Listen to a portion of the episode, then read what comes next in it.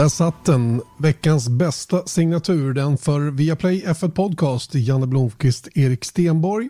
Som den här veckan har en del faktiskt att eh, prata om. En hel del till och med. För det är till att börja med racevecka. Vi ska till Turkiet för första gången sedan 2013. Och det ska bli spännande att få uppleva den här fantastiska banan igen. Och vi pratar självklart om vad som har varit där tidigare och vad vi förväntar oss av årets upplaga. Vi pratar vidare om det här med Lewis Hamilton för det är intressant. Hur är det egentligen? Kommer han att köra vidare i Formel 1 eller inte? Vi pratade mycket om det förra veckan. Vi fortsätter resonemanget den här veckan och vi tar den, gång, den här gången hjälp av Björn Wirdheim då om lite grann vad som händer i huvudet hos en förare när den väl börjar landa i det här faktumet att man kanske är på väg att lägga av och vad händer sen när man har tagit beslutet. Sen ska vi såklart eh, prata den nya kalendern som dök upp precis innan poddinspelningar och det hör inte till vanligheten att vi får nyheter så levererar i knät. Eh, några intressanta saker har hänt där, till exempel att Vietnam inte finns med, att Saudiarabien finns med. Det ska vi prata mycket om givetvis i veckans podd. Erik Stenborg, nykammad och fin. Ja, eller precis tvärtom, vilket jag tycker eh, passar bra. Ja, men det har varit en, eh, en härlig vecka sen sist det där USA-valet som vi nämnde förra veckan och eh, min tupp är Just död. det, han är död. Din, din eh, vad heter det, antagonist, kallas ja, det så? Exakt. Ja, Ni är inte nej, riktigt men, kompisar. Nej, men för nytillkomna lyssnare så var det under sommaren då när jag spenderade mycket tid på landet så var det en tupp, alltså som gal, eller gol, mm. så mycket så att jag höll på att få, alltså stressutslag och eksem nästan av, för jag, jag vaknade halv fem på morgonen varenda dag. Charmigt ju. Ja, fast jag blev inte så charmig där, därefter. Jag fattar. Och i alla fall, nej men och sen så, det, det, det låter ju jättemorbid, men, men äh, räven hälsade på i helgen nämligen. Och äh, alla andra är väldigt ledsna över detta. Äh, jag är inte lika ledsen, men det jag har hört nu är att det är på väg en ny tupp. Du går och smygjublar ju... lite grann och sen så märker jag att det här håller på att glida dig vid händerna igen nu. Ja, exakt. Så det var ju... Vi får se hur det blir. Det kanske är en snällare typ. Vad är det de säger? Golare har inga polare. exakt. Nej, det har han faktiskt. Jag vet inte om det stämmer. Hur som helst. Eh, Amerikavalet, ja just det. Och sen hade vi ju ett litet pris som vi hoppades vinna som vi inte vann. Gick till spöktimmen istället. Stort grattis till dem. Mm. Eh, de pratar om eh, det här med, det här med kriminella, kriminalfall och sånt. Det verkar stort som attans när det gäller just poddar. Och där, var, där stod vi oss slätt kan man säga. Vi, vi kanske ska göra så här specialavsnitt om Spygate. Ja. Så blir det så lite true crime.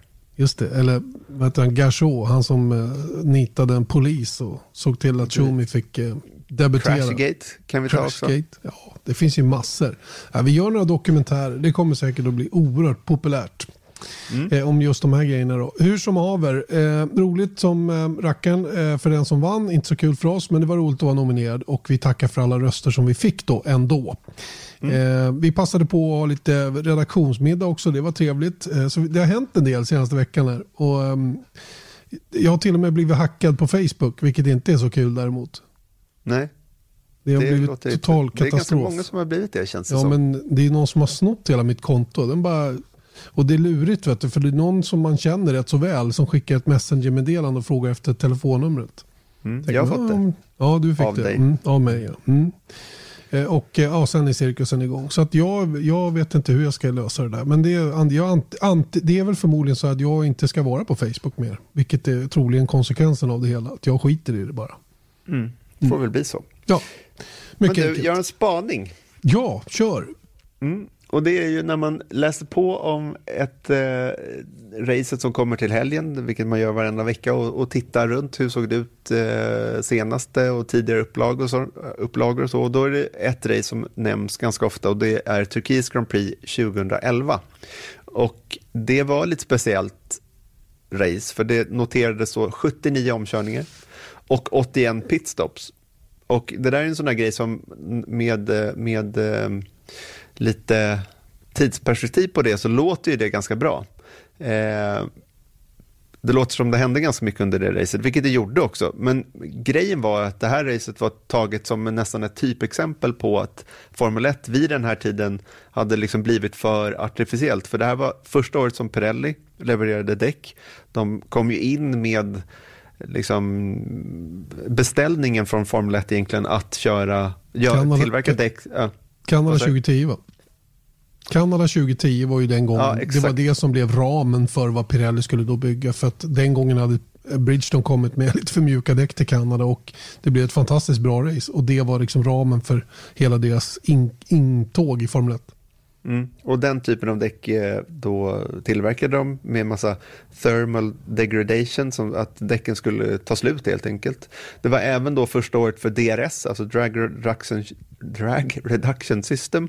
Och det, det som slog mig då när man tittar på det här, att det, det är liksom egentligen samma frågor som Formel 1 brottas med än idag. Liksom äktheten i Formel 1, DRS vara eller icke vara, gör Pirelli ett bra jobb? Ja, men det debatteras fortfarande idag. Och det här är nästan tio år sedan. Mm. Men vi har kommit väldigt, väldigt långt på vägen sedan dess. Och um, jag, jag håller med om att 2011 var ingen, det var ingen bra säsong i det avseendet. Jag minns Spaniens Grand Prix var nästan ännu värre än, än Turkiets då när det gäller antal depåstopp och en fyrstoppare tror jag vann. Och jag mm. menar 80, 80 stopp, det är ju fyra i snittet.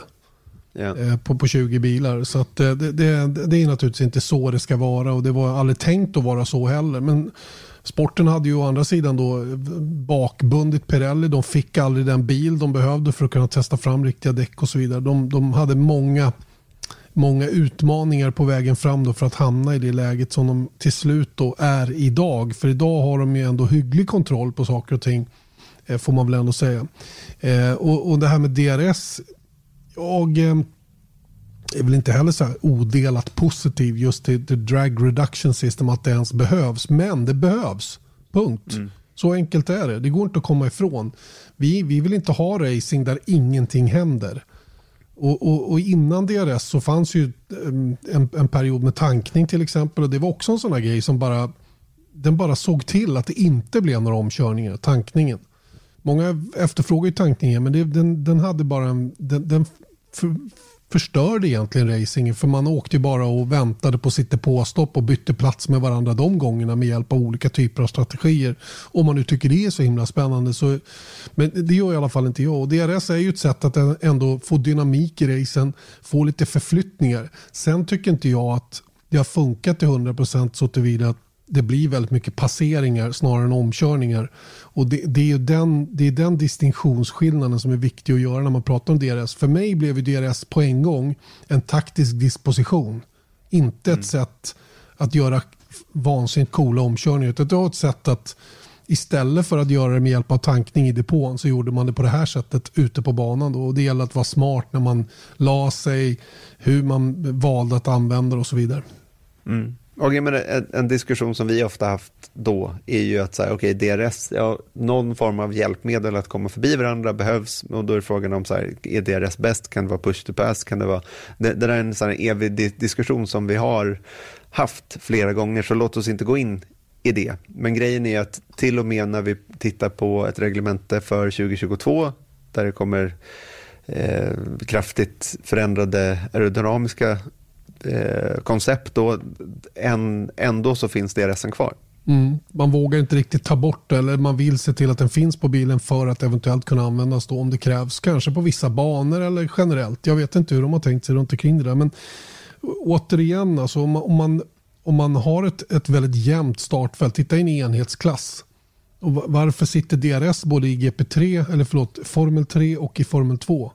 Det är ju för att om bilarna är, om det skiljer två tiondelar på bilarna så händer ju absolut ingenting. Jag menar alla klasser, Indycar likadant, måste ha någonting som, som kastar upp bollen lite grann. Sen mm. kan det ju finnas olika sätt för hur man skapar det vi är ute efter så att säga. Drag reduction system vet inte jag om det var det allra, allra bästa. Jag, jag förespråkar nog hellre en form av variant som, och speciellt med dagens motorer där det är möjligt att hitta en sån lösning. Att man hade en form av push to pass som var begränsad till kanske tio gånger under racet eller x antal sekunder whatever. Så att man kunde slö, DRS har du ju hela tiden och det förutsätter att du kommer ikapp.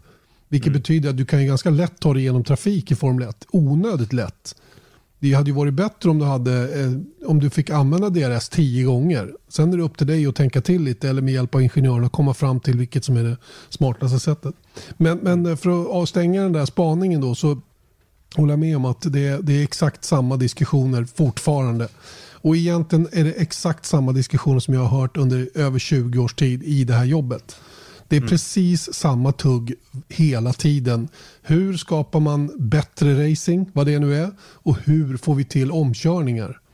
Hur får man till omkörningar? Det är ju, det är liksom, vad är en omkörning? Och ska det vara en passering på en raksträcka eller ska det vara en, en inbromsning på marginalen? Och, ja, hela den biten. Va? Och så som de här bilarna ser ut med vingar och hela den grejen. Va? Så det, det är ju ett, det är en trade-off man alltid kommer att få göra. Hur man ska skapa den där perfekta racingen så att säga. Mm. Du, Turkiet, Istanbul Park eller Intercity Istanbul Park som den heter idag. Du har varit där. Jo. Eh, vilket är det bästa minne därifrån? Eh, det var vår eh, telekomtekniker vi hade första året vi var där. Och han, eh, han, eh, han bad oss hela tiden att vi, vi skulle, appli appli sa han, appli appli. Ni måste apply. Eh, vi skulle alltså försöka connecta ISDN-förbindelsen till Stockholm. Då. Så appli, appli, mm. appli, appli, sa han. Och Ejo och jag skrattade så mycket åt det där. Vi tyckte det var helt lustigt. Eh, en, annan, eh, en annan grej med, med att eh, åka till Turkiet var att komma till Istanbul. ingen av mina favoritstäder. Jag är inte den som gillar de där frantiska städerna med miljoner människor och, och lite så här halvstökig ordning. Jag är mera lite sådär, vill ha lite space. Och att det, att det känns lugnt och tryggt. Och vi, vi bodde ju inne på Taksim Square i Istanbul. Och, um, ja, det var en resa att, att, åka. En grej som hände till exempel när vi åkte hem från banan en gång. Eje bestämde ju alltid att vi skulle ha en privat chaufför, någon som körde oss fram och tillbaka in i minibuss. Eh, det var att när vi åkte tillbaka en dag så, så åker vi under en bro och någon kastar en sten ifrån den här bron som då krossar sidorutan på chaufförens sida. Eller där han satt. Bara en sån fullständigt vansinnig eh, grej där någon står och kastar sten mot bilarna som kommer och åker på motorvägen. kan ju förekomma i andra städer också men det var en sak som hände just här och som inte gjorde att man upplevde Istanbul eh, man blev inte ännu mer glad i det om man säger så. Då.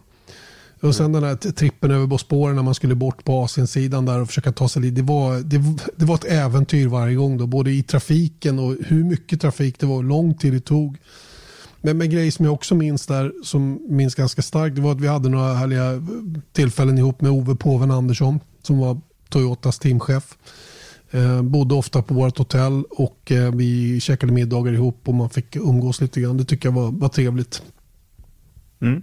Turkiet 2020 då. Vi återkommer för första gången sedan 2013 som du nämnde.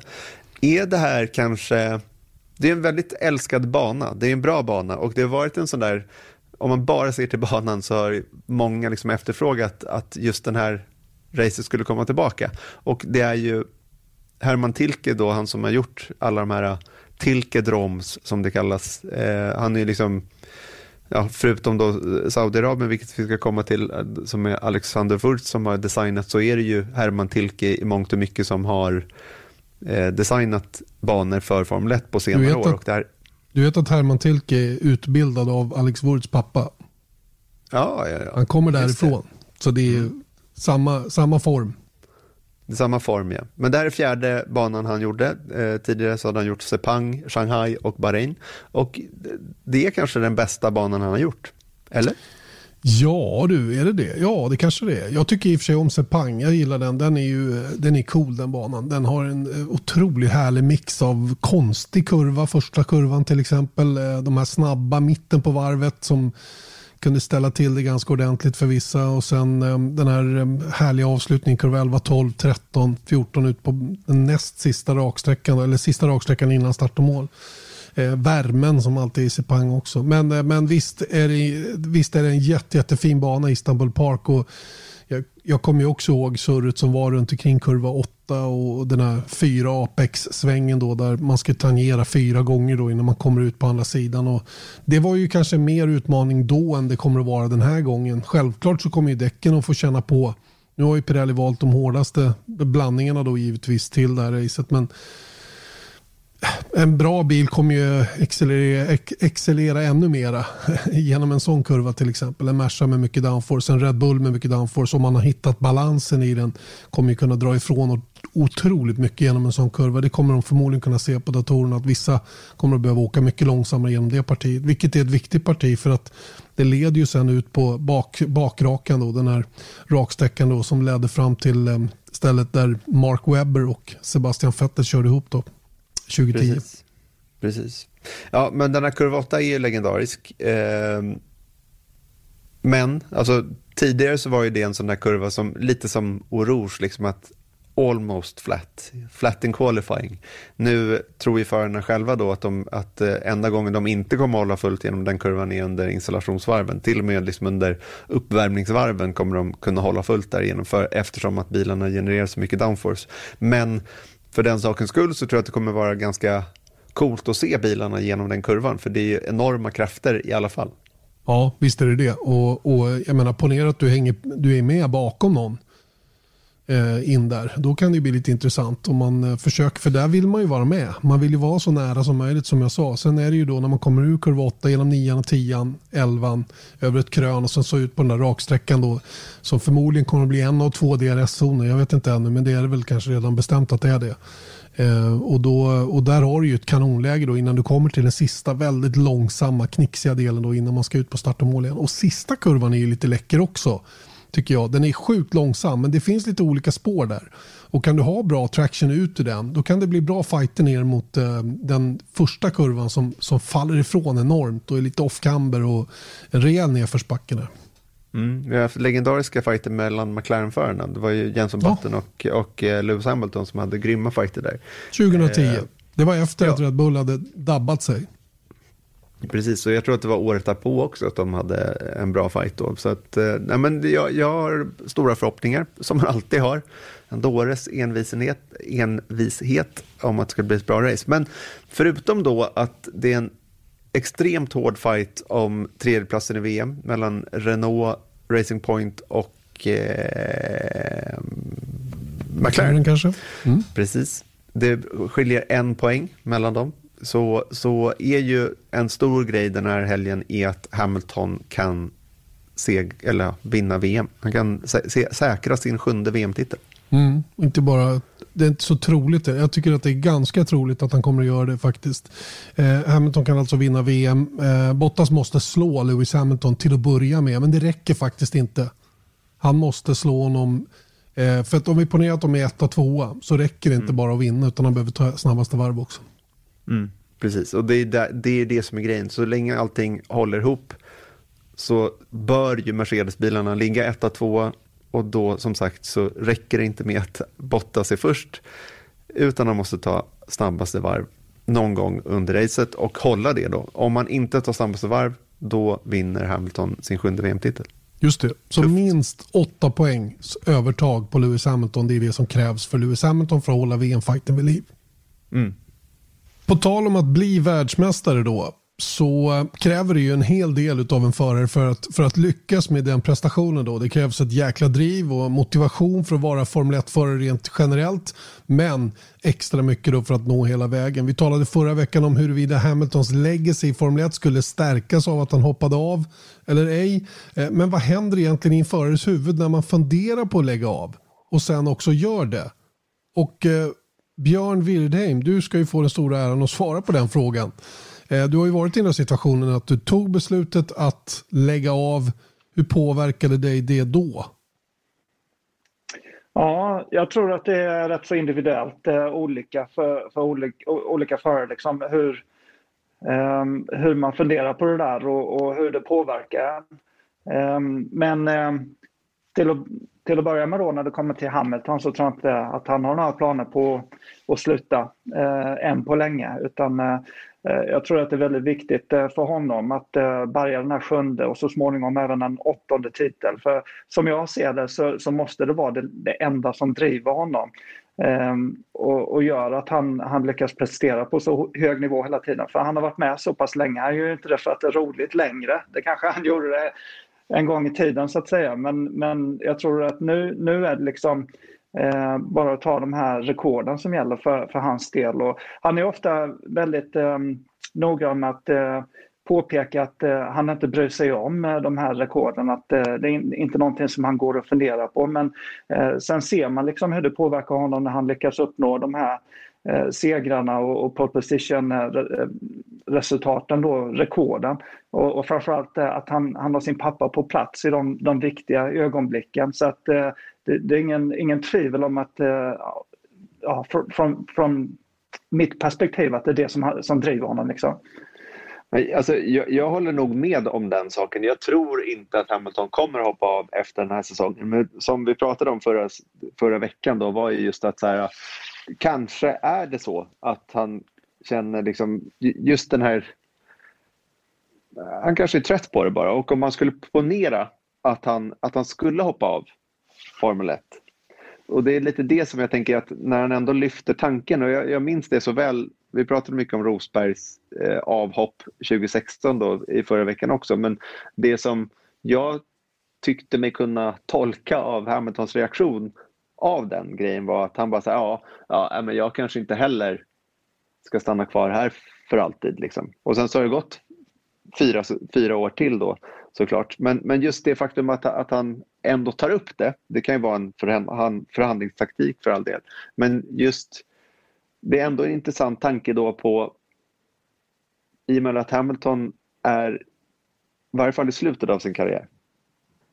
Vad kände du när du var i slutet av din karriär under dina sista säsonger? Var det någonting som började när, när du kanske kände att ja, men långsiktigt kommer jag inte köra racerbilar till vardags ändå. Och vad, vad var det som skavde och hur liksom dök det tvivlet upp hos dig?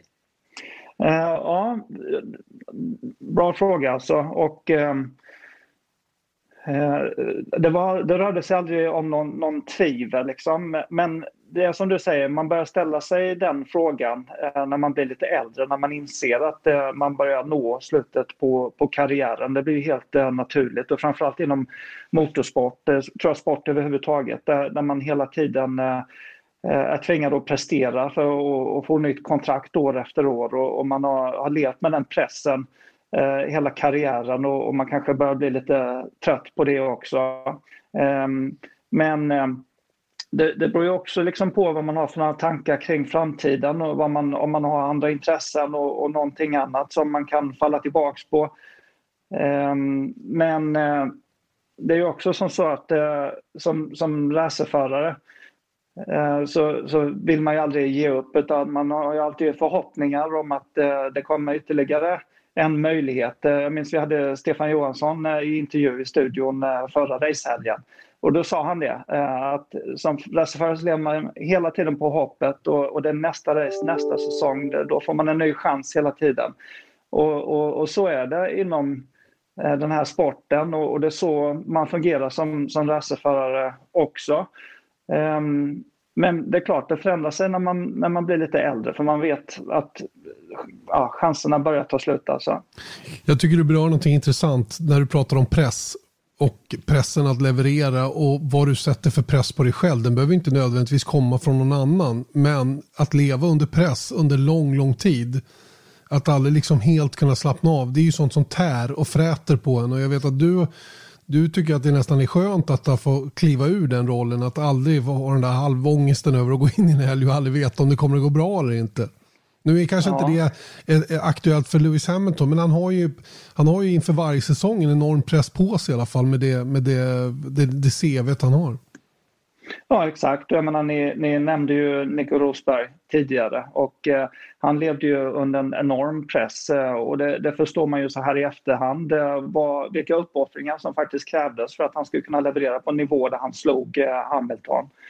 Eh, och det, det, det, är nog det som är det tuffa med, med just motorsport. Och, och visst, eh, och framförallt när man håller på med Formel 1, eh, för då är man ju dessutom i, i rampljuset eh, hela tiden från helg till helg. Så att det blir en helt annan typ av press än, än den man lever med, som jag gjorde eh, under de sista åren i, i Super GT. Där det knappt var någon uppmärksamhet överhuvudtaget, men där det hela tiden handlar om pressen man satte eh, på sig själv Eh, och, just det här att eh, man måste och är tvingad hela tiden att eh, leverera för att veta att man, man får en fortsättning i, i, i mästerskapet och med teamet. Eh, och, ja, det, det, är det som är det tuffa men eh, samtidigt om vi pratar om Hamilton då, så det som, som talar för honom att han skulle kunna klara en sån situation och, och ta ett steg tillbaka och sluta med motorsport. Det tycker jag är det här att eh, han verkar ha så mycket intressen eh, på helt andra områden utanför racing överhuvudtaget. Han sysslar med sin musik och eh, skapa mode och, och sådana saker. Och det, det, skulle nog göra det enklare för hans del att eh, Eh, flytta fokus till något sånt och, och, helt ta ett steg ifrån racingen. Alltså, jag vet att man inte kan översätta Hamiltons hypotetiska avhopp från Formel 1 med hur du kände. Men jag tycker ändå ja. att det är en intressant grej då. Att, för att jag, jag vet att när du började jobba med eh, tv-sändningar runt Formel 1 och alldeles i början där så var det så att så här, jag tror att jag nämnde i så här förbifarten någon gång att så här, Eh, med dig och Rydell, ni före detta racerförare. Och då kommer jag ihåg att du var väldigt snabb med att säga så här, jag är inte före detta. Mm. Vet, så. Nej. Men sen så träffades vi förra veckan på en middag hemma hos Janne, mycket trevligt för övrigt.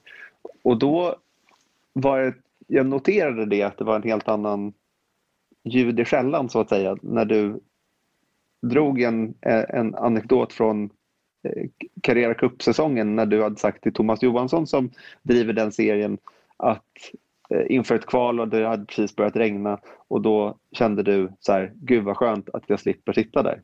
Vilket mm. då indikerar för mig att du kanske har lagt hjälmen på ja. hyllan.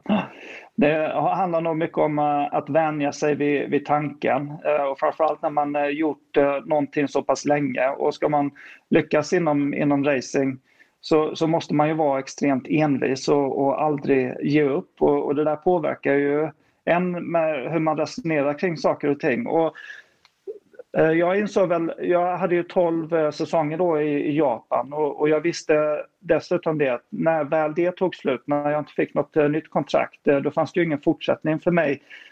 Um, till skillnad från de japanska förarna. Uh, jag kunde inte hoppa på och, och bli teamchef för något team eller, eller något sånt liksom, utan då, då var det slut. Och, och jag hade ju under de senaste åren då eh, undersökt vad det fanns för andra möjligheter att kanske komma tillbaka till Europa. Jag körde till och med en säsong då i, i STCC. Um, ehm, jag um, körde European Le Mans Series och, och, och, lyckades till och med vinna den serien på första försöket. Uh, det var 2015. Um, ehm, men jag insåg samtidigt att vid den åldern som jag hade så, så hjälpte inte det där mig. Eh, det ledde inte vidare till någonting annat. Um, så, så pass enkelt som, som jag hade hoppats på. Um, och förr i tiden när jag, när jag var mycket yngre då så, så tänkte, tänkte jag mycket liksom på min karriär och, och, hur det skulle se ut på slutet. Då, då tänkte jag det att ja, men om, om, om det inte funkar att fortsätta internationellt då kommer jag hem och kör 15 år i STCC istället. Mm. Men då provade jag på det där och insåg att det var inte så roligt som, som jag trodde. Men då fattade jag också att um, jag, jag, kör liksom för, eller jag körde för att åstadkomma någonting, för att vinna race, vinna eh, titlar som var viktiga för mig. Och, och, när inte den chansen fanns längre i min karriär, då var det liksom då fanns det ingen mening med, med att fortsätta. Och, och, det där handlade ju om att jag hade kommit till en ålder där jag inte var aktuell för fabriksteam i de mästerskapen som, som jag ville prestera i. Eh, och då, då, då fattade jag att eh, ja, men då, då är det inte så himla roligt att hålla på med det här. För att jag var driven av resultat hela tiden skulle jag vilja säga. Men du, hände någonting, eller vad hände med dig snarare när du väl tagit beslutet att lägga av? Påverkade det dig som racerförare? Körde du på ett annat sätt? Tänkte du annorlunda in i situationen? Sådana saker. För i det läget kan ju faktiskt Lewis Hamilton vara rent hypotetiskt igen då. Att han, mm. Eh, han har liksom, utan att säga till någon, har han bestämt sig för att det här blir hans sista säsong. Och, och hur, hur, man påverkas. Jag vet när vi pratade med Hjell så sa han att det definitivt hände någonting inom honom när han tog beslutet att när jag fyller 40 då lägger jag av. Han hade bestämt mm. det liksom. Men jag kom aldrig så långt att jag tog det beslutet utan det kom naturligt istället. Och precis som eh, Erik var inne på så hade jag förmodligen inte ens accepterat att jag hade slutat eh, när vi hade den diskussionen 2018 eller vad det nu var. Um, utan um, jag, jag hade gått och funderat på, på vad jag skulle hitta på istället och insett att det sannolikt var slut eh, med tävlandet i, i, Japan. Men det gick aldrig så långt att, att jag visste att så, så var fallet och jag visste att jag inte skulle fortsätta. Utan eh, det, det, blev istället eh, på det sättet att ehm, 2017 liksom. var sista uh, vad heter det, um, säsongen i, i, i, Japan. Jag hade ingen styrning för 2018. Jag minns att jag tog kontakt med, med Rainer Wermelin på Porsche för att se om jag kunde göra ett gästrace i, i Canada-cupen i Sverige. Och det planerade vi till tror jag, juni eller juli och då tänkte jag det att um, okej, okay, jag kommer inte köra någonting överhuvudtaget fram till mitten på säsongen. Eh, och när jag väl åker till Anderstorp och kör det här racet så, så kommer jag få bekräftat om, om jag vill fortsätta med det eller om, om det räcker nu. Eh, så det var rätt så mycket av det skälet som, som jag kontaktade Carrera Cup Scandinavia då för att få göra det racet. Eh, och när jag väl hade gjort det så, så, så fick jag ju då bekräftat att eh, ja, det var inte så himla roligt. Eller det var roligt men det är inte någonting som är nödvändigt för att jag ska kunna ja, för att jag ska kunna leva vidare. Det, det var helt plötsligt inte lika viktigt eh, för mig som, som det hade varit eh, två, tre år tidigare. Och det tycker jag är intressant för jag undrar om inte Lewis Hamilton åtminstone närmar sig det läget. Där mm. det, det, här med att köra i Formel 1 inte längre är det absolut viktigaste han har. Mm på horisonten så att säga? Eller? Vad tror ni? Erik? Ja, för grejen, ja, förlåt. grejen är det också, eh, bara för att slutföra det, alltså, och, och då hade jag fått så pass mycket distans när, när jag gjorde det här inhoppet till det att jag faktiskt förmodligen insåg, ja redan då, för nu gör jag det definitivt, att jag hade förmodligen kunnat sluta tre, tre år innan jag egentligen gjorde det. Jag var klar med det eh, redan tre år innan jag slutade köra. Mm. Men det där är superintressant också. Det är det jag tyckte var så intressant när vi pratade sist då. Att just det där att suget att köra.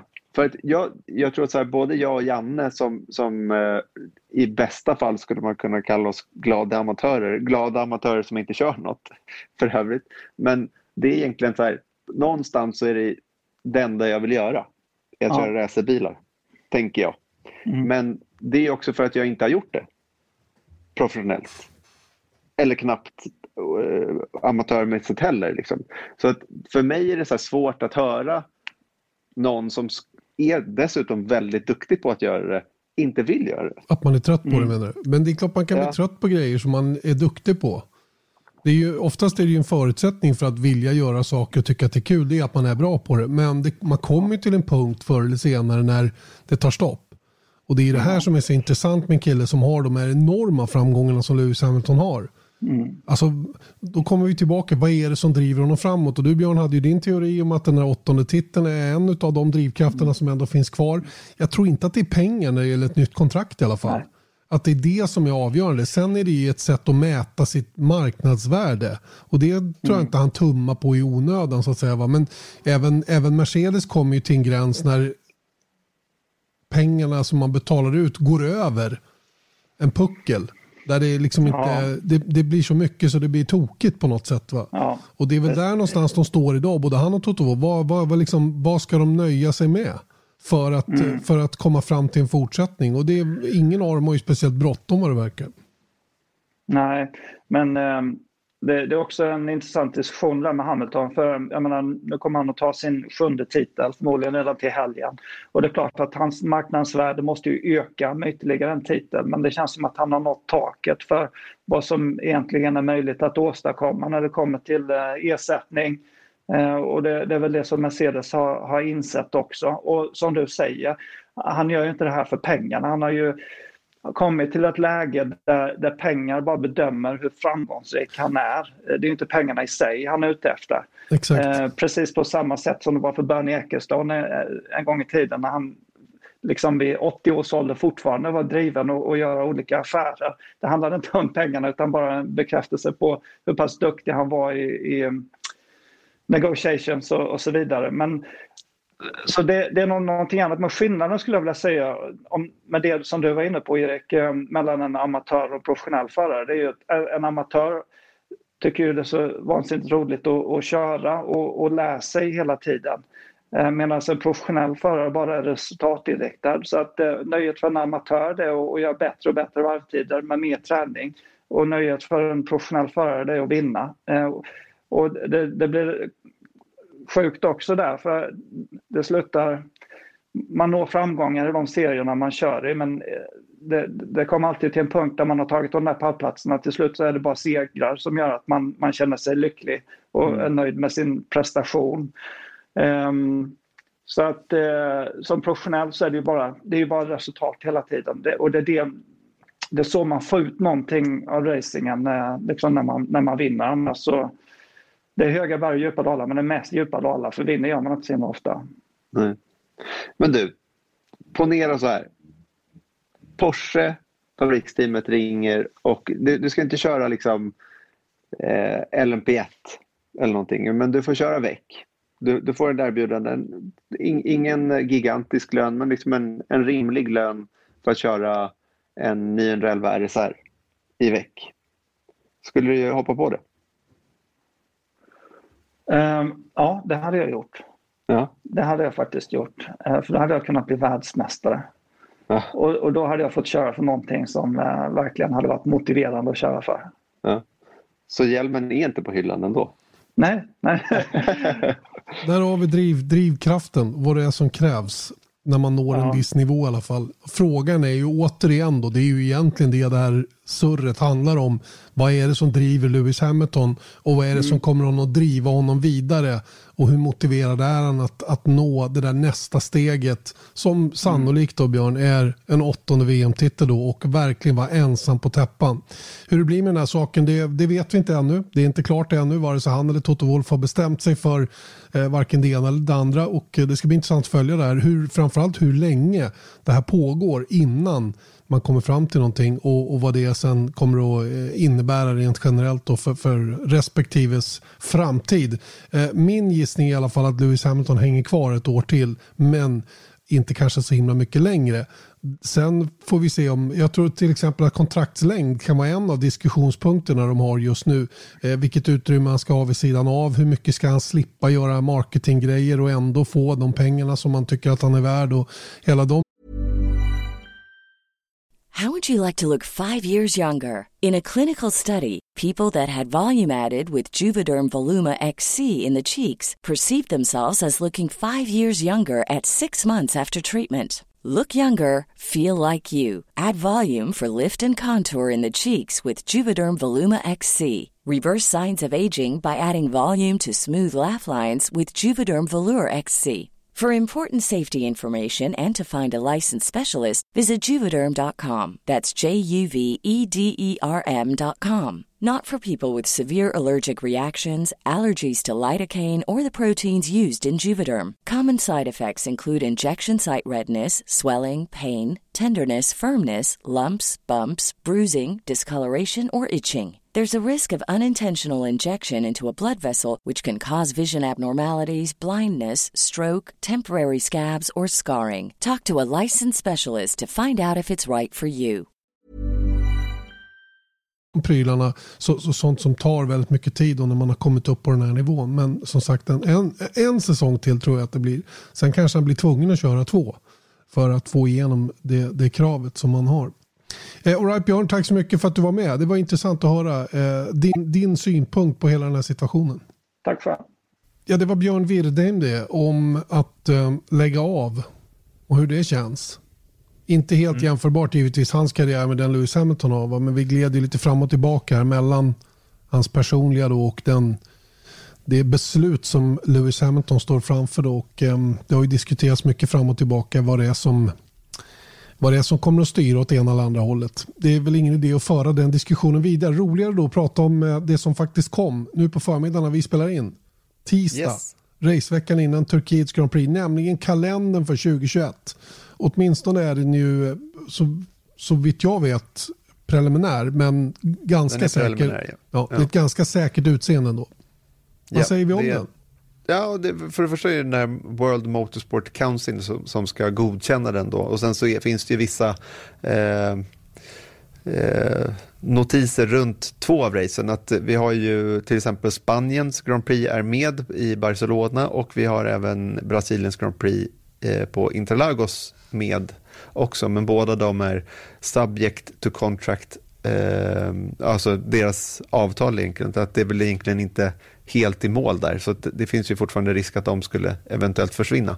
Något som är en highlight tycker jag, är, eller en highlight, det är väl en i negativ bemärkelse är att Vietnam som skulle debutera på Formel 1-kalendern i år men inte gjorde det på grund av, av corona då, inte heller finns med på nästa års kalender. Nej, det står TBC på round 4, det vill säga fjärde VM-deltävlingen 23-25 april eh, som är 14 dagar efter Kinas Grand Prix och det, där skulle alltså Vietnam ha legat då. Men nu verkar det som att det finns en, eh, en någon i The People's Committee eh, i, i Hanoi som, eh, som hållit på med oegentligheter och faktiskt är arresterad för, för anklagelser om korruption.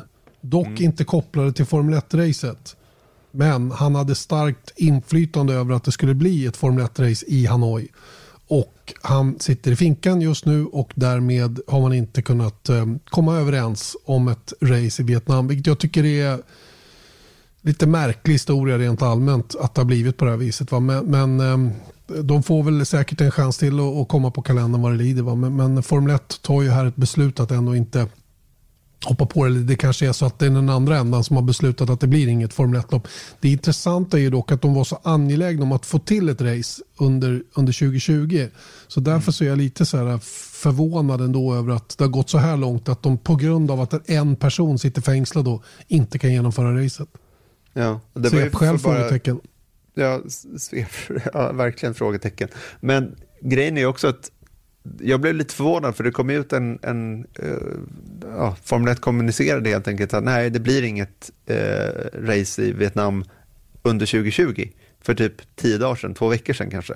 Och jag, vi hade ju räknat kallt med att det var borta för länge sedan, men först då kom eh, kommunikationen från Formel 1 om att det inte skulle bli av. Då. Ja, vi hade ju räknat bort det som sagt. Ja, hade, det, hade ju, det var ju en bekräftad kalender det vi hade när det beskedet kom. Och mm. jag tror att det hade med, med avtal och försäkringar och lite sådana grejer att göra säkert. Att man måste gå tillväga på det sättet när man väl stänger butiken. Mm. Eh, men 23 eh, race lång kalender alltså om det nu blir nå, eh, alla de här racen då som, som Asterix runt omkring då Spanien, eh, Brasilien och om man då hittar någon ersättare då till Vietnam. Eh, jag tror ju snarare på en 20 race kalender om jag ska vara riktigt ärlig. Möjligen 21 mm. eh, än att det ska bli 23. Eh, och ehm, om jag vill ha in en ersättare till Vietnam så ser jag mycket, mycket gärna att de stoppar in Sepang där. Mycket, mycket gärna skulle jag tycka det var en toppenbra idé att köra ett race i Sepang eller på Sepang igen. Det är en bana jag längtar tillbaka till. Den är säkerligen ännu lite mer skavd i hörnerna nu. Det är alltså den första Tilkebanan byggd 1999 eller till 1999. Men, men en fantastisk härlig bana och det är ju speciellt i den där stekande eller fuktiga värmen snarare som man upplever när man är på plats där.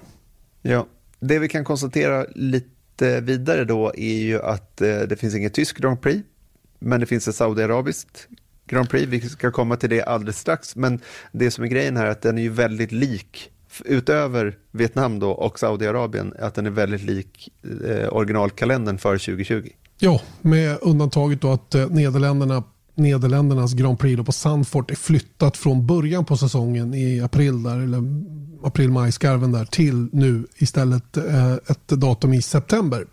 Vad står det? 3 till 5 september. Så att eh, de kommer att gå helgen innan, helgen innan Italien. Mm. Och Det kanske är ett bättre ställe för dem att vara. Och det, Att man flyttar fram det, det tror jag hänger ihop med en enda sak. Det är att man är fortfarande osäker på coronas påverkan på nästa säsong. Och flyttar man fram Holland då ökar ju chansen att vaccinet har fått utbredning, att kanske corona rent allmänt har börjat klinga av, att risken för att inte kunna anordna det med publik är mindre. Därav tror jag att man har stoppat in Nederländernas Grand Prix just där. Då. För där börjar det bli lite kritiskt också. De satsade ju stenhårt på årets race som alltså inte blev av. Och eh, Det ser nog lite körigt ut ekonomiskt där. De behöver verkligen få till det där racet nu med fullt pådrag, med publik, alla orangea fans och hela den grejen. Mm. Ja, jag tycker i alla fall det, det, det är kul att se den här kalendern och man liksom på något sätt så här, äh, corona är absolut inte över, verkligen inte, men, men på något sätt så känns ändå så här psykologiskt som att 2021, då kommer allting bli bra igen på något sätt. Och jag, jag hoppas att det verkligen blir så, innerligt. Mm. Men undrar så flundra om gädda var en fisk? Du pratar om, du pratar om Saudiarabien. Ja, du har ljudeffekt. Jag har ju, jag, vänta, hallå, kolla. Jag har ju en sån rolig här. Det här måste du vara snabbare på. Va? det var jättebra.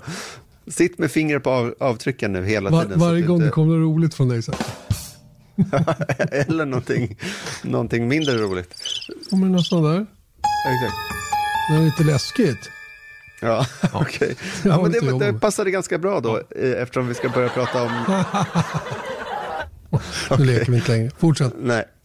Det passar ganska bra då den där läskiga då med tanke på att Saudiarabien är med då. För det är ju någonting som omedelbart då kom väldigt mycket höjda röster eh, runt det här beslutet om att Formel 1 världsmästerskapet ska besöka Saudiarabien, en stadsbana i Jeddah. Eh, inte minst då Amnesty International har kritiserat det här beslutet eh, mycket då. Och det är ju då på grund av att Saudiarabien har minst sagt tvivelaktiga mänskliga rättigheter i landet. De är involverade i massor av konflikter. De eh, stöttar terrorism på olika vis. De är med i Jemenkonflikten. Där Jamal Khashoggi, journalisten då som mördades, mördades av eh, saudiska agenter. Eh, I Istanbul kvinnor, för övrigt. I Istanbul för övrigt, ja. Eh, kvinnor måste få tillåtelse av en man att resa. Eh, de, tortyr, de, de, har tortyr i landet och allt vad det är. Så det, det är ju sannerligen inget där, eh, trevligt land på det sättet. Då. Och det som har då kommit upp runt det här det är att det kallas då för sportswashing. Det finns ju andra typer av washings, så att säga, greenwashings när eh, typ oljebolag vill visa upp en eh, en, eh, miljö, en positiv miljöprofil. Eh, Formel 1 anklagas för att vara greenwashing när de har haft sina miljöpolicies som de har börjat eh, initiera de senaste åren. Ehm, eh, och så vidare då. Och vad det här innebär är helt enkelt att förbättra sitt rykte genom sport som attraktionskraft. Då.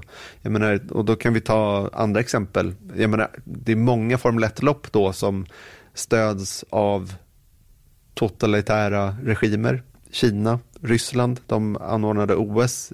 Kina ska anordna OS 2022. Eh, och det är väl ingen snack om saken att Formel 1 är sportswashing för Saudiarabien. De har dragit igång många sportevenemang de senaste åren. De har tagit hit golftävlingar, tennisuppvisningsmatcher, eh, boxning. Eh, Formel E har tävlat i landet två gånger, Dakar likaså då. Race of Champions var väl i Riyadh också en gång? Eller par. Ja, så, så är det ju. Och eh, ja, det är helt enkelt för att liksom förbättra sin profil, eh, förbättra sin attraktionskraft internationellt och därav få inflytande, trots att man då, eh, att det pågår sådana här oegentligheter mot befolkningen i, i, det i egna landet. Mm, när det stod klart att Saudiarabien skulle komma med på kalendern så, så landade det då ett antal upprörda röster då i Twitterfeeden som man har. Många tyckte det var skandal och så var det med We Race as One och hela den grejen. Och, och det är naturligtvis en, en, en reaktion som, som är lätt att ta till vid första anblick. Och eh, som är förståelig på alla sätt och vis. Man kan bli jätteupprörd över de här grejerna. Eh, Tyvärr tycker jag det känns som att många använder det lite slentrianmässigt bara. Trots att man kanske inte ens har 100% koll på vad det är för typ av land, hur det funkar. Och I synnerhet jag har inte till 100% koll på vad Saudiarabien är. Och jag tittade lite grann på vad svenska regeringen skriver om hur man ser på Saudiarabien som land. Och det är ju inte någon fager läsning, helt klart inte. Eh, Å andra sidan om man tittar på några av de andra länderna som jag också kollade på för att ha lite att jämföra med så är inte det heller alltid så fager läsning kanske lite snyggare förpackat i vissa avseenden än vad just Saudiarabien är. Då. Men det som var tydligt var ju det här med det, det fria ordet i Saudiarabien. Jag tror att de låg på 273 plats utav 280 länder i världen då när det gäller hur, hur man hanterar journalistik till exempel. Hur trovärdig den journalistik som presteras där borta är. Och mm. det är ju, tycker jag ett, ett, tydligt tecken på att man, man eh, styr ganska hårt vad som, vad som får sägas och göras. Och, och det vet vi också, precis som du sa. Men, men eh, den stora frågan som vi, vi kanske kommer till så småningom då, det är ju om det här är bra ändå att, att man använder sig av sportswashing. Om det kan komma mm. något bra utav det. De har någon slags vision i alla fall. Ja, alltså det är ju någonting som de presenterat då, eh, som heter då Vision 30 och det syftar då till, till att förbättra invånarnas liv eh, markant då fram till 2030 och sportevenemangen då som vi som nämnde är en del av det. Eh, många, de flesta skulle man nästan kunna säga, ser det som enbart PR dock då. Att, eh, vi minns ju till exempel som där Formel 1 har varit involverad tidigare var ju när, när kvinnor eh, då tilläts köra bil och ta körkort i landet. De är det sista landet i världen där, där eh, det inte tilläts och det här var under 2018. Och, och då gjorde de en eh, kampanj då tillsammans med Renault eh, Renaults F1-team då på när vi var på Paul Ricard första året. Då en saudisk, eh, saudiarabisk kvinna då fick köra ett uppvis, uppvisningsvarv med en Renault F1-bil då. Eh, och, men, men, grejen här är ju då att, att varför många ser det som en, endast PR, det, det är ju inte bara en magkänsla, utan det är ju att många av de här aktivisterna som drev igenom det här körkortsbeslutet då för kvinnor är idag fortfarande fängslade. Så att jag menar, de gör en sak med högerhanden och en annan sak med vänsterhanden. Så att det, det, är, det är väldigt, väldigt problematiskt land. Det är ingen snack om saken. Nej, eh, det är det definitivt inte. Men eh, om vi, om vi tittar på varför blev det så här då Erik? Vad, vad är det liksom, eh, hur, hur, hur har de fått till det här racet? För det är ju inte, det är ingen slump. Nej, och det är lite det som, som när man börjar titta på det här mer och mer, vilket jag har gjort de senaste två dagarna i, i stort sett enbart, att titta på Saudiarabien och Formel 1. Eh, bland annat då så spenderade jag förmiddagen i telefon med vår gamla kompis Dieter Renken, han som är eh, F1-journalist med fokus på affärer. Han skriver för, eh, främst då för racefans.net, alltid läsvärda artiklar han, han kommer ut med eh, på ett eh, expertområde som inte är varken mitt eller ditt expertområde, så att säga. Eh, och eh, han, han sätter ändå lite perspektiv på det, trots att jag, varken jag eller han vill liksom rättfärdiga racet, men ändå förklara hur det kunde bli så här. Och när man ser det på, från hans synvinkel så, så blir det i alla fall logiskt. Och för, till, för det första då så poängterar han ju att eh, han som är eh, styrande i landet, alltså Mohammed bin Salman, eh, som kallas för MBS då, och regimen i Saudiarabien ser ju att det de gör i Saudiarabien, det är ju rätt. Alla andra har ju fel. Och det är ju samma sak som jag gissar att eh, Kim Jong-Un i, i Nordkorea eh, tänker också. Och jag menar, jag säger inte att det är, bara för att de tycker det så ska de låta, låta stycka så, men, men man ska ändå ha det med sig någonstans, att det är deras perspektiv på det hela, helt enkelt. Då. Och sen som man då går vidare till Formel 1. Eh, Formel 1 är ett public company, de har aktieägare och det är alltså därav Formel 1 ansvar att generera pengar till de här aktieägarna. De måste göra så bra dealar de kan, det är deras ansvar som en, en, eh, ett, ett, ett AB helt enkelt. Och sen då har vi ju eh, andra, apropå rösterna som har höjts då för i kritik mot att Saudiarabien ska eh, ta emot Formel 1 så är det många som har sagt att men FIA, alltså internationella bilsportförbundet, borde stoppa det här. Eller åtminstone fall, i minsta fall då upprätta någon form av beting eller miniminivå för mänskliga rättigheter för att få anordna ett race. Vilket jag tänker, jag läste bland annat en, en väldigt intressant artikel på therace.com skriven av eh, Mark Hughes eh, som jag tycker verkligen är läsvärd. Eh, och han tar ju just det här perspektivet att FAI borde ju vara mer drivande eller stoppande så att säga i, i sådana här frågor. Problemet med FIA är ju att de är en icke-politisk organisation.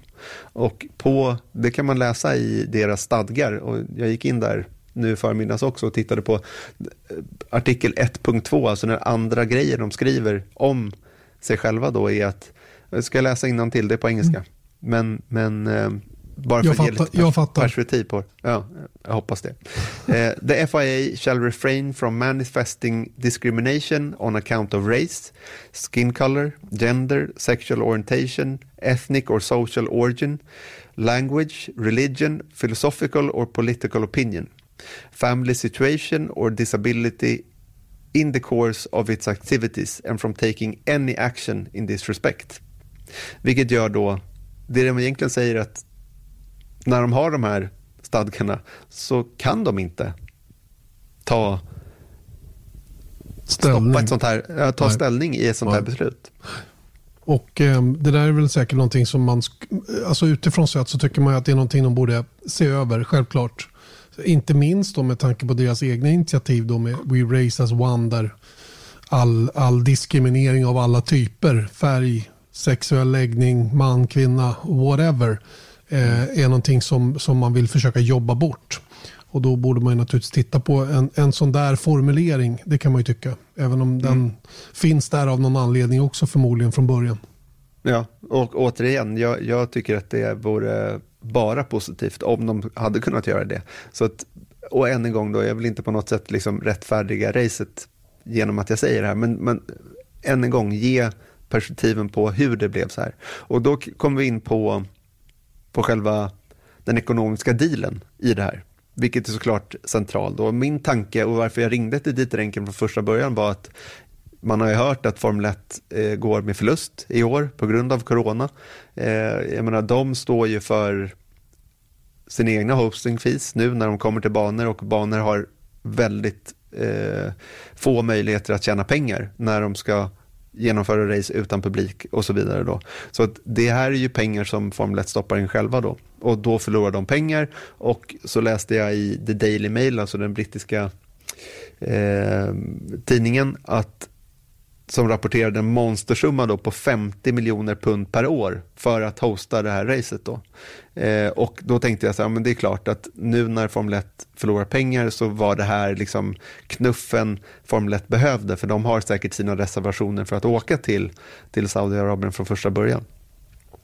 Men som sagt, då, det var ju någonting som Dieter Enken då gav ett annat perspektiv på. Och det han poängterade var att det här är liksom första, första racet på kalendern i sånt här typ av land från Liberty. De tidigare när vi nämnde eh, Kina, Ryssland, Azerbajdzjan, Bahrain, Abu Dhabi, det är sådana race som Bernie Nicholson tog in då. Och det som Renken då visste var att Sean Bratches, alltså ni minns, kanske minns honom som Formel 1 förra kommersiella chef, det var han som, hans ansvar att ta in sponsorer helt enkelt eh, till Formel 1-organisationen. Och han spenderade tydligen minst ett år på att göra en deal i Saudiarabien. Och många menade då att så här, får han igenom det här så är det en väg till early retirement, alltså tidig pensionering för att det skulle ge honom så mycket pengar. Och han är inte längre kvar kan man konstatera och de har flera dealar med Saudiarabien utöver det här racet. Då. Och det här skedde ju långt innan corona, så att min tanke om att det här på något sätt hade med corona att göra är inte helt sann antagligen då, enligt Dieter Enkens sätt att se det. Jag har aldrig känt heller att, att corona skulle vara anledningen till, däremot kanske det att det är tidigare lagt. Eh, Exakt. Det kan ju bero på corona eh, eller att bygget av det här nya stället kanske är fördröjt. Precis, för det ju, har ju varit en plan då från Saudiarabiens sida under lång tid då att ha en ny stad som heter Kidaya. Eh, och den var tanken då att den skulle stå klar 2023, inklusive F1-banan där som är designad av eh, Alexander Wurz bolag. Eh, Vi såg ju lite folk var inbjudna där i, var det i förra sommaren det? Mm. Eh, när de flögs in ett antal eh, mer eller mindre kända racerförare. David Coulter var där, Wurz såklart, Mark Webber tror jag var där också. Några sådär som de ställde upp ute på någon, eh, någon sanddyn där och så konstaterade man att här ska det byggas någonting. Och jag minns när jag, jag minns när jag var i Shanghai förra året så mötte jag Alex Worrell. Vi stod och pratade lite grann han och jag om, om, om ja, racet eller vara i Kina. Det var väl det tusende Grand Prix som skulle köras då. Och vi pratade om den biten. Då, då, då nämnde han om det här projektet som han då var väldigt tystlåten runt omkring. Han kunde inte avslöja någonting. Men jag förstod ju sen då när man började läsa om rapporter om vad som var på gång där bort. För han menar på att det här kommer att bli något alldeles i hästväg. Det kommer att bli ett sånt gigantiskt racer mecka om man kan vara lite rolig då i den där delen av världen. Men det kommer liksom att vara en, en, en helt, den största anläggningen i sitt slag ever. Mm. Exakt, och det, det, är där då som man kan tänka på att så antagligen var planen från första början att Formel 1 skulle till Saudiarabien, men 2023. Och det som corona kan, eventuellt gjorde då var att snabbade på det här. För det vi, dit vi ska till 2021 och 2022 är en stadsbana i Jeddah. I en annan, i en annat, eh, en annan stad helt enkelt. Då. Mm. Eh, sen ska man då komma ihåg då, utöver den här race hosting eh, dealen som har gjorts till, som ska då börja till 2021 så har vi då Aramco som är en av Formel 1 huvudsponsorer. Det är ett saudiskt energibolag. Det syns ju på på, eh, längs med banan hela tiden. Många race har det som, som titelsponsor också. Dessutom då så presenterade Formel 1 en tv-deal med MBC, alltså Middle East Broadcasting Center. Och det var tidigt 2019. Och den tros vara den mest lukrativa i Formel 1 portfolio idag då. Och det inkluderar hela Mellanöstern och Nordafrika. Så det ska vara den som genererar mest pengar sett till tv-dealar till Formel 1 då. Mm. Eh, och nu då det här racet i Jeddah från, från 2021 då. Så och apropå pengar då så uppskattar eh, Dieter Enken att dealen för alla de här tre punkterna, alltså Aramco som huvudsponsor, en av huvudsponsorer, tv-dealen med NBC och race hostingen i Jeddah motsvarar ungefär 150 miljoner dollar per år. Det är ganska mycket pengar. Det är väldigt mycket pengar. Ja, och ett normalt år så motsvarar det ungefär 8% av Formel 1 hela omsättning. Så att det är enorma summor. Jag menar, som du nämnde innan vi började spela in, kanske motsvarar tre andra race. Ja, så som det ser ut just nu och två race i vanliga fall. Då. Mm. Så det är dubbla degen. Ja, och det här 8 det är ett normalt år. I år är inget normalt år för Formel 1 eh, på grund av corona. Då, så att nu uppskattas det vara mellan 12 och 15 procent av Formel 1 omsättning i år.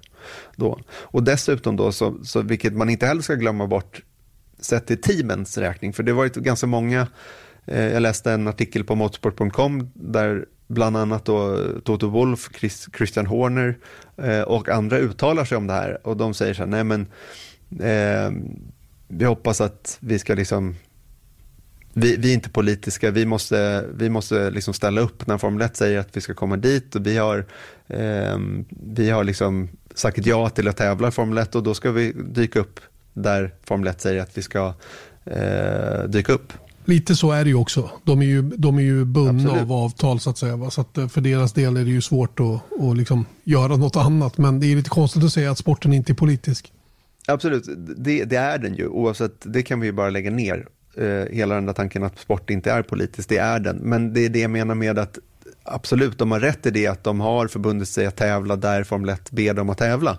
Men man ska inte heller glömma bort att eh, Mellanöstern är en av de största marknaderna i världen för bilindustrin. Speciellt då kanske lyxbilar som Ferrari, Mercedes, McLaren, Aston Martin, Alpin och så vidare. Så det är inte heller en dum marknad att vara på. De vill ju vara på den här marknaden såklart också. Så är det ju. Och då kommer man ju till slutklämmen av alltihopa det här då. som, eh, som är lite grann det som, som gör kanske att det går att, att motivera överhuvudtaget då att köra ett race i Saudiarabien. Och mot bakgrund av allt det du har beskrivit tidigare då mycket tveksamma, eh, mycket tveksamt hur man respekterar mänskliga rättigheter i landet rent generellt och, och eh, en massa saker. Jag rekommenderar verkligen att läsa den här eh, sammanfattningen som, som UD har gjort då, om, om Saudiarabien och för att få en bättre bild av vad det är för typ av land och enligt deras sätt att se på det. Eh, men, men kan Formel 1 komma dit och göra någonting gott? Jag menar, om man ställer frågan så här, om, om Formel 1 inte åkte dit, skulle det göra att det blev bättre för mänskliga rättigheter i Saudiarabien? Och om Formel 1 åker dit, skulle det kunna göra att det blev lite bättre med de mänskliga rättigheterna i Saudiarabien? Alltså, jag kontaktade Formel 1 också för att få ett uttalande från, från deras sida. Jag borde nästan läsa upp det, vad de själva säger då. Eh, ge mig en sekund där. Mm. Ja, nu blir det mera, mera engelska här. Att det, det, det, roliga var att när jag bad om det här så kom det ett svar på 20 sekunder, så att det var inte så att de hade att de var oförberedda på frågan nej, nej. så att säga. Då. Jag förstår, det, Men, var, det var liksom ett, de hade dokument klart.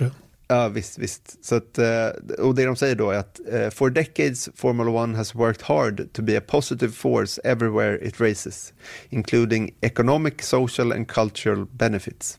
Sports like Formula One are uniquely positioned to cross borders and cultures to bring countries and communities together to share the passion and excitement of, of incredible competition and achievement.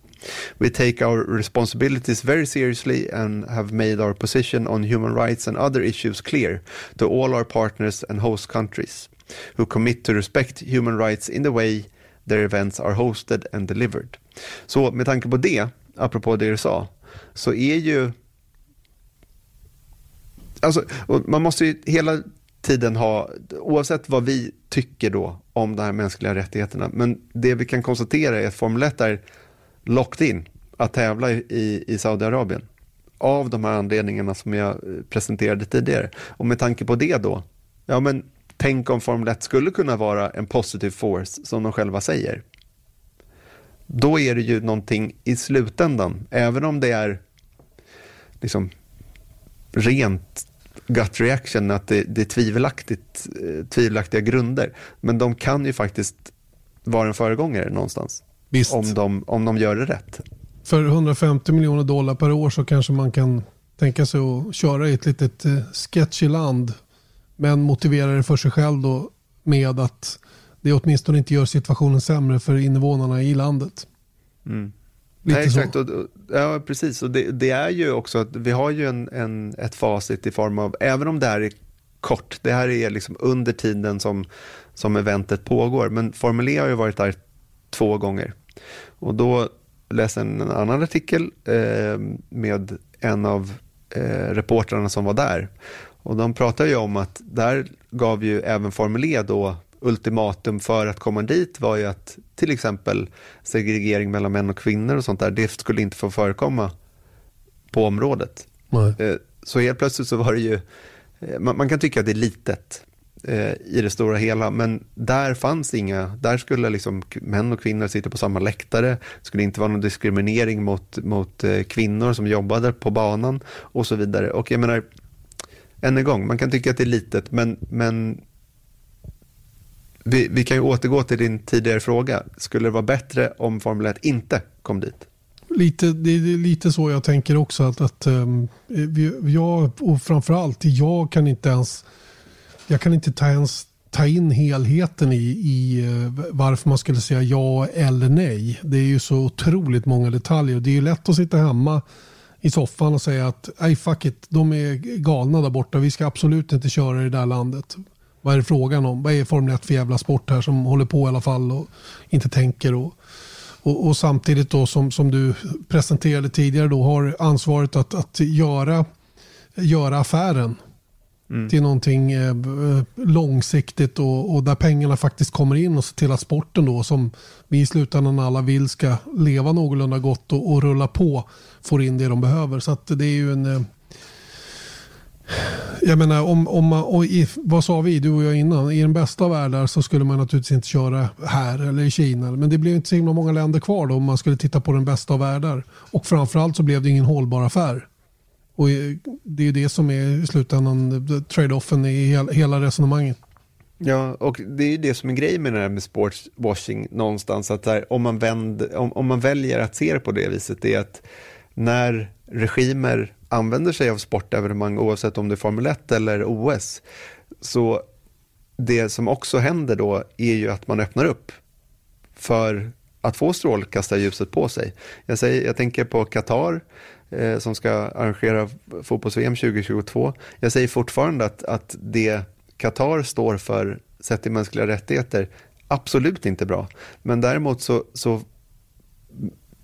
de öppnar upp för att, att eh, få uppmärksamheten på sig i, i det eh, sammanhanget. Mm. Eh, vilket kanske kan ge positiv förändring. Och, och, och än en gång, jag tänker att utgångspunkten här är att när man nu ska dit så måste man från vår position i alla fall göra det bästa av det. Och prata om de här sakerna. Mm. Och det är, och det, vi kan ju tänka en annan sak när, när man sätter sig ner med ett land av den här typen då, och naturligtvis eh, lägger då på ena sidan då prislappen eller de potentiella intäkterna från att köra där och så, så börjar då diskussionerna och, och hela den här frågan med, de presenterar sin vision 30 som är då ämnad att göra det bättre för invånarna i Saudiarabien. Höja standarden kort och gott för alla och, och, på det, och bland annat då med hjälp av sport. Och, och, för att eh, locka till sig sporterna så erbjuder de då en, en hiskelig massa pengar. Så, så att det blir liksom, på, ser man det utifrån det perspektivet så kanske det är lite win-win. Att, att alla, alla har någon form av nytta av, vissa, jag menar Formel 1 har mycket mer nytta av det givetvis än vad den enskilde invånaren i Saudiarabien har. Mm. Men det är, ett komplex, det är en komplex fråga. Så, och, och visst, är man, är man bara svart eller vit och säger man jag åker inte dit för där gör de sig och där åker jag för där är det så. Och dit, alltså, men så funkar det ju inte. Det funkar definitivt inte så någonstans i världen egentligen. Och det, det är väl det där vi kan, kan, det är det som är kontentan kanske, att om man nu ska åka dit, då ska man ju se till att göra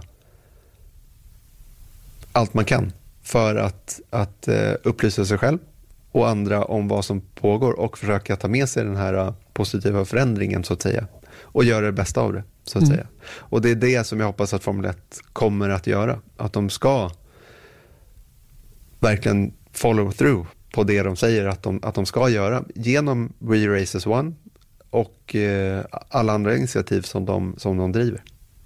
Bra slutord kring den här långa eh, diskussionen eller genomgången av eh, lite fakta då kring varför vi nu återfinner Saudiarabien på nästa års kalender i Formel 1. Mm. eh, vi är ju som sagt i Turkiet kommande helg. Ett annat land som också har lite konstiga saker för sig emellanåt kan man tycka. Men det ska vi inte prata om nu utan nu ska vi mer landa i vad, vad, vad helgen framför oss har att erbjuda. Vad, vad händer för kul grejer? Vi har ju for, vi har lite sjukdomar i staben om man säger som, som påverkar lite en aning. Och vår hjälte Foto Magnus Andersson han åker ju och ställer frågor i, han är ju mixad zonreporter nu. Jag, jag vet inte vad som händer. Världen är upp och ner. Mm. Ja men en, återigen, det är, det är sån här hade man suttit där för ett år sedan, jag hade nog börjat så här, packa väskan lite grann till att åka till avslutningen av Abu Dhabi och sen så fick man höra på att så här, nej men nu eh, ska vi köra det femtonde racet eh, nu i mitten av november och eh, 14 i alla fall. Ja, 14 racet i mitten av november. Vi har inte kommit längre. Eh, vi har studio hemma så att eh, Janne Blomqvist har fortfarande inte besökt en Formel 1-race 2020 och jo, Magnus Andersson. Inte något race, nej, men en bana. Nej. Ja, en bana ja. Men eh, Magnus Andersson är numera reporter. Då hade jag aldrig trott att det var sant. Det var höga odds på det. det hade man kunnat fått lite bra pengar tillbaka på om man hade bettat på det innan säsongen startade. Nåja, hur som helst, vad, vad, vad gör vi? Eh, vi ska såklart titta mycket på, på mittfältet.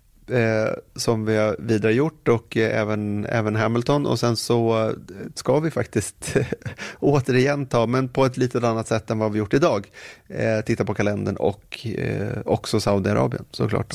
Sportswashing. Och bekant, bekanta oss med eh, Istanbul Park. Just det, det kan vi behöva. Ja, men mm. det, och det är ett coolt ställe, ärligt talat. Det är en jäkla frän bana. Alltså, och, eh, jag kommer ihåg en annan grej, jag glömde det. Eller två saker. Jag kommer ihåg 2006, GP2-racet 2006. Lewis Hamilton körde GP2 för ART och var han, han, gjorde nog, jag måste säga, det var nog ett av de bättre racen. Däremot så fanns det då vissa tveksamheter till om den här bilen kördes på ett korrekt sätt. För han körde nämligen åtta runt alla. Han snurrade den på första varvet och kom iväg 17.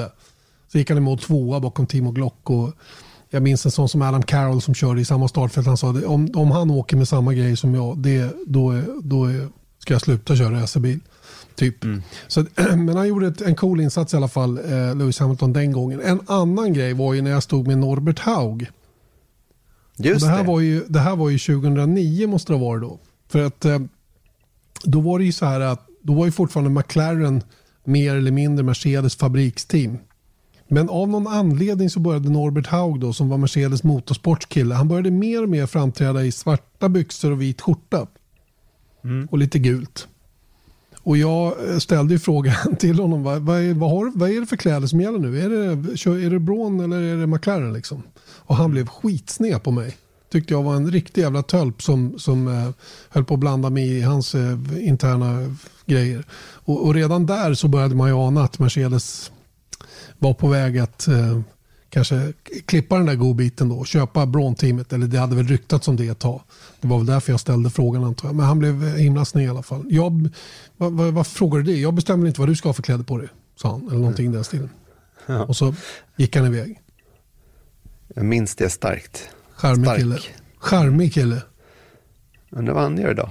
Ja, det är en bra fråga. Jag ska ringa och kolla med honom. Gör det. Du, medan ja. Eh, vi gör det så gör jag någonting eh, Medan du gör det så gör jag någonting annat. Och ja. Eh, vi andra hörs igen om en vecka och såklart till helgen. Vilken bra idé. Det är ju en alldeles utmärkt idé att vi hörs till helgen. Ha det gott allihop. Hej då! Hej då!